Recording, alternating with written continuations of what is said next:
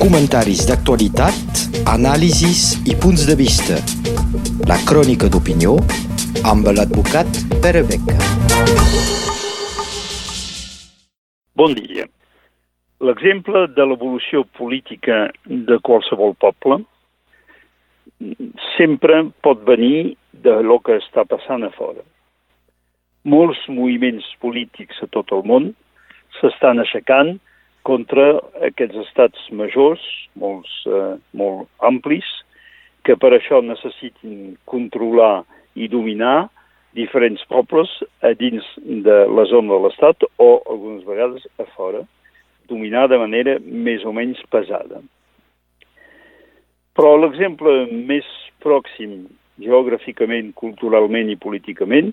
per nosaltres sembla ser en aquests moments el Regne Unit molt similar a la situació de Catalunya a Espanya. És un realme, més o menys, un sistema democràtic, construït sobre de dominacions militars, reunint quatre pobles, en el cas del Regne Unit, amb voluntats autonòmiques diferents i, fins ara, membres de la Unió Europea. Doncs situació molt similar a la que estem visquent a Catalunya. Voluntats autonòmiques molt diferents, però sí que amb una dada constant és que aquestes voluntats estan creixent. Mirem els exemples. País de Gales, 3 milions d'habitants, el revingut per habitant més baix de tots els països del Regne Unit, una reconversió inacabada, sortida eh, d'un país eh, quasi exclusivament miner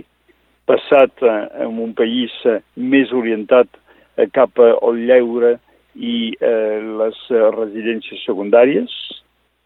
dotat fa molts anys d'un Parlament local, dit Senet Simru, no sé si la pronunciació serà bona, Parlament dominat per els socialistes moderats, els treballistes, però que comporta eh, l'últim sondeig eh, resultant de les urnes del mes de maig, més de 30% d'independentistes i, en sondejos mm, al moment de les eleccions, 60% d'independentistes per la classe de joves entre 14 i 18 anys. Una llengua pròpia, el galès, una cultura molt arrelada popularment i, sobretot, sembla al mig de la població un refús de convertir-se en una zona de tercera residència eh, per habitants de grans ciutats com Liverpool o Londres. És a dir, el refús de ser el parc d'atracció de la burgesia anglès. Passem a món de l'especificitat de l'equip de rugbi, que sempre als francesos els hi fa problemes, per dir que aquests moviments encara que sigui un país petit i amb eh, baixa capacitat econòmica, aquests moviments es van desenvolupant. Més significatiu serà l'exemple d'Escòcia. 5,5 milions d'habitants, el segon revingut per habitant de tota la zona del Regne Unit, 34.120 euros l'any passat per habitant, però segon revingut, però menys de la meitat del valor Parlament molt antic, a Edimburg, basat sobre de lo que va ser la primera monarquia constitucional del Regne Unit al moment del de, eh, regne de la família Stuart, un referèndum que no va aconseguir el resultat esperat, però una demanda de segon referèndum de part d'una persona carismàtica, que és la Nicola Sturgeon, primer ministre anglès. El govern anglès i el Boris Johnson s'hi neguen, però, per tant, la pressió democràtica a Escòcia és molt important per dues causes que són cumulatives. La primera és la potència econòmica d'Escòcia, perquè Escòcia té camps de petroli al mar del nord, i la segona és que Escòcia ha votat molt favorablement contra el Brexit, és a dir, per un manteniment a la comunitat europea i que la població d'Escòcia no accepta que, de fet, de la decisió dels anglesos es trobin ells exclosos de la comunitat europea, llavors que l'única cosa que demanaven eren quedar-s'hi. Aquest exemple és molt significatiu perquè potser d'aquí pocs mesos hi haurà un segon referèndum a Escòcia. I que si hi ha un segon referèndum a Escòcia i aquest resulta favorable a un estatut d'independència, potser això pot ser un exemple per Catalunya, un exemple no sols pel procés democràtic, sinó també de cara a la Unió Europea, perquè en aquest cas no es pot imaginar que els escocesos que volien quedar-se a Europa i que no s'hi han pogut quedar del fet dels anglesos no puguin ser reintegrats a Europa del dia que tinguin la seva independència. A Catalunya el cas és molt similar, encara que que al revés, perquè se'ns explica que si som independents eh, haurem de sortir d'Europa com nou estat, però de fet el procediment d'ingrés a la comunitat europea dels escocesos serà exactament el mateix del que pot ser per Catalunya i pot ser un exemple molt favorable. Més enllà hi ha el Regne Unit o el Regne Anglès per ell mateix. Anglaterra, tot plegat, 56 milions d'habitants, un dels països més importants d'Europa, sortit d'Europa a través del referèndum del Brexit, mal entès per una bona part de la població, en conseqüències, perquè en aquests moments eh, el producte interior per habitant està baixant, encara que quedi el més alt del Regne Unit, i, sobretot, un sistema sense cap representació política pròpia. Hi ha un Parlament a Westminster, és el Parlament de totes les illes britàniques i no només dels anglesos. És a dir, que no hi ha organ que sigui un organ propi de representació democràtica dels anglesos, sortit del Parlament General de totes les illes. La qual cosa, en cas de conflicte, pot ser perillós per als anglesos perquè no tindran eina política per contestar a la voluntat més o menys independentista dels altres pobles.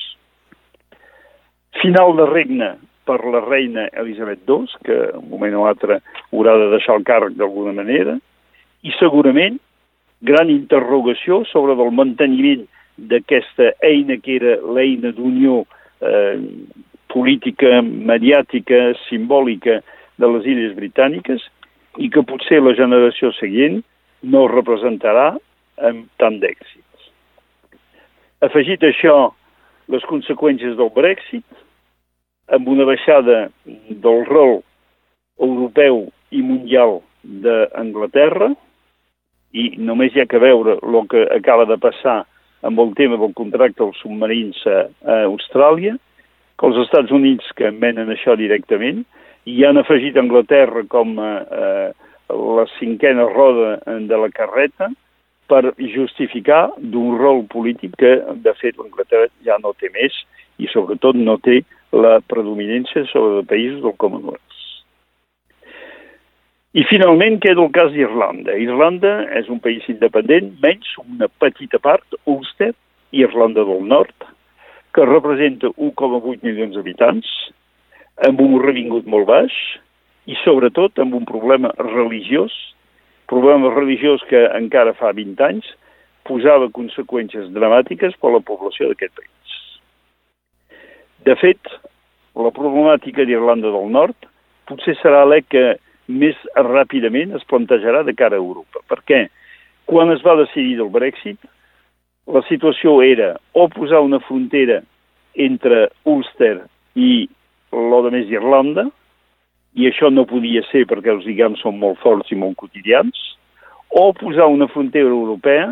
entre l'Irlanda del Nord, l'Ulster, i Anglaterra, i això té per conseqüència que els equilibris a l'Ulster estan compromesos entre la part rica de la població, més o menys protestants, i la part més pobra, que és més o menys catòlica. I aquí, el Parlament de Belfast, en el qual s'ha trobat un equilibri de majoria compartida entre catòlics i protestants, es troba molt dividit, amb una influència que va evolucionant perquè el creixement de població catòlica és més important que el creixement protestant. Una real voluntat de part dels irlandesos catòlics de reunificació amb Irlanda,